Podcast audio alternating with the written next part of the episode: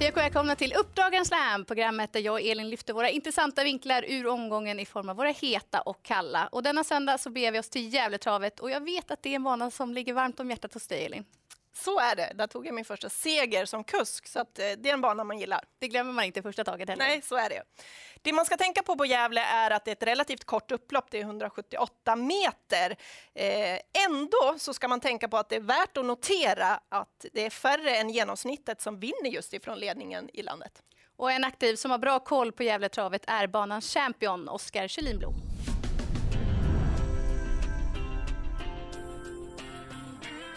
Oskar, eh, spår 1 bakom bilen. Är den något sämre tycker du vid 16.40 och 26.40 starten?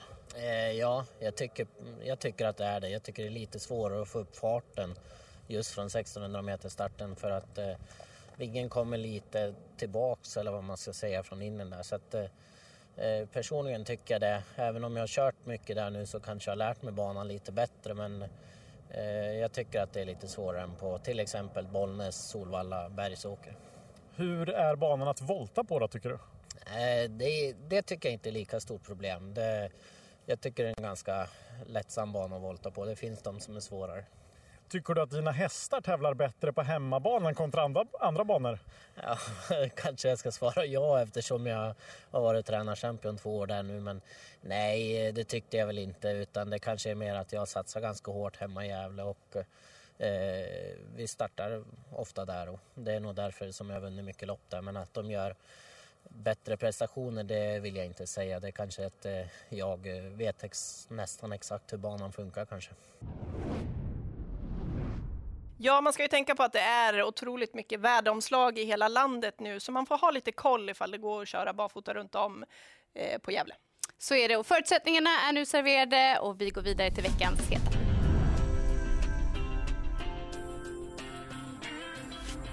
I den andra avdelningen kommer nummer 10 Joyful Argos ut som har gjort tre lopp hos Olle Alsen och han har gjort det bra.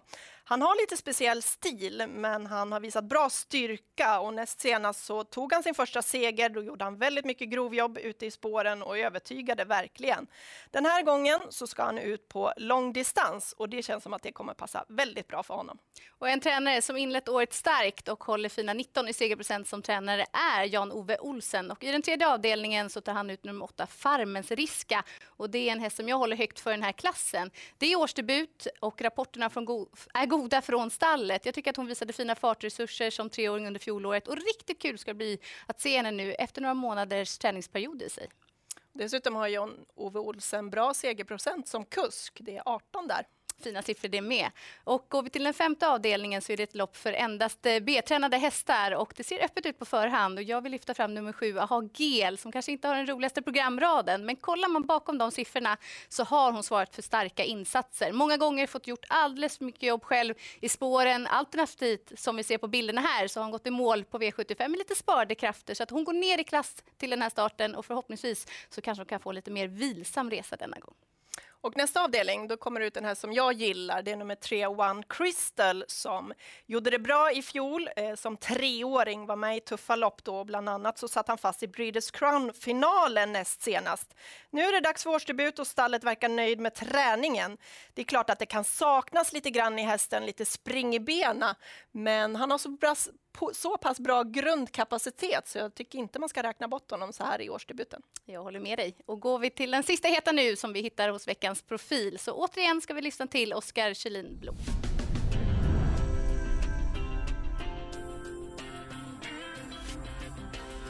Två egentränade på Grand Slam-spelet då. Avdelning 4, nummer 3, Figurin de Fer. Eh, var du nöjd med loppet senast efter lång frånvaro? Eh, ja, det var jag. Hon hade bara gått tryckvagn ända sedan hon gjorde sista starten i fjol. Så jag var jättenöjd. Jag, tyckte hon, eh, jag visste att hon skulle behöva det loppet men hon kämpade på bra. Jag tror hon kommer vara ett eh, betydligt vassare den här gången. 1600 tror jag också kan vara en liten fördel för henne. Voltstart eh, har hon klarat bra förut. Hon brukar vara väldigt snabb. Det finns en kritisk punkt och det är sista, eller sista sväng, eller första sväng som det blir nu just på Gävle för att stallbacken ligger där. Så hon, hon har lätt lite hemlängtan hemma på Gävle så att det, det, är lite kritiskt. Om hon kommer först in i första sväng så vill jag varna för det men jag tror det går bra. Det är inte alltid bra med Gävle. Nej, men eh, jag vet ju om det så att eh, jag får ju tänka på det när jag kör. Hur gärna vill du köra ledning? Eh, Jättegärna, jag tycker hon är bra där men samtidigt så är hon lite beroende av att hon har tryck på sig hela vägen för när hon är själv så somnar hon gärna till. Avdelning 6 sen då, nummer 9 Denarius som gjort två lopp i din regi. Galoppen senast 150 kvar. Berodde det på att hästen var trött? Eh, nej, jag tror inte han var eh, trött, eh, alltså kroppsligt, kanske mera fysiskt trött om jag säger så. Han, eh, det kändes, jag var lite rädd för det på förhand att jag skulle få dödens och han var helt enkelt inte mentalt förberedd för att gå utvändigt hela vägen. Och, så att det kändes mera som när de andra kom på honom in på upploppet så då gav han upp och, och försvarade sig lite grann med galopp. Eh, jag tyckte han var fin, annars har jag inte anmält igen. Nu vart det ju inte roligt med springspår på 20 med en otroligt startsnabb häst för att eh, jag kommer verkligen vilja köra han i ryggar. Och eh, jag är inte rädd för att sätta ner han invändigt och bara följa med.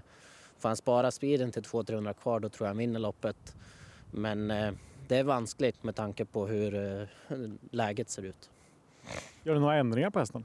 Ja, kommer eh, ändra lite på balansen. Kommer byta framskor och även rycka bakskorna. Så han är lite rulle så jag tror att det kommer vara positivt. Eh, av övriga så har du ju i avdelning 2 nummer 3 Cumulus där. Kan det gå? Eh, han eh, körde i galopp med 50 kvar på Solvalla senast och eh, det var nog kanske segern som rök då så det jag tycker han har blivit bättre för varje start jag kört han och, och jag tror han kommer vara ett strå vassare även nu på söndag. Det är en stark häst men väldigt eh, ospidig och trög i loppen så han är väldigt oinspirerad och så men han, eh, det kan gå om vi har lite flyt på vägen. Vilken häst tror du står för den bästa prestationen på söndag? Jag kanske tror det på figurin men jag tror att eh, Denarius är den som kan överraska mest. Bra information från Oskar och du och jag Elin, vi är överens om att det är nummer tre Figurin de Fer i den fjärde avdelningen som är bästa chansen. Mm, som vi tror är vassare med det här loppet i kroppen då. Dessutom är det ju kort distans, så vi tror ju på spets och slut. Och nu vidare i programmet till veckans kalla.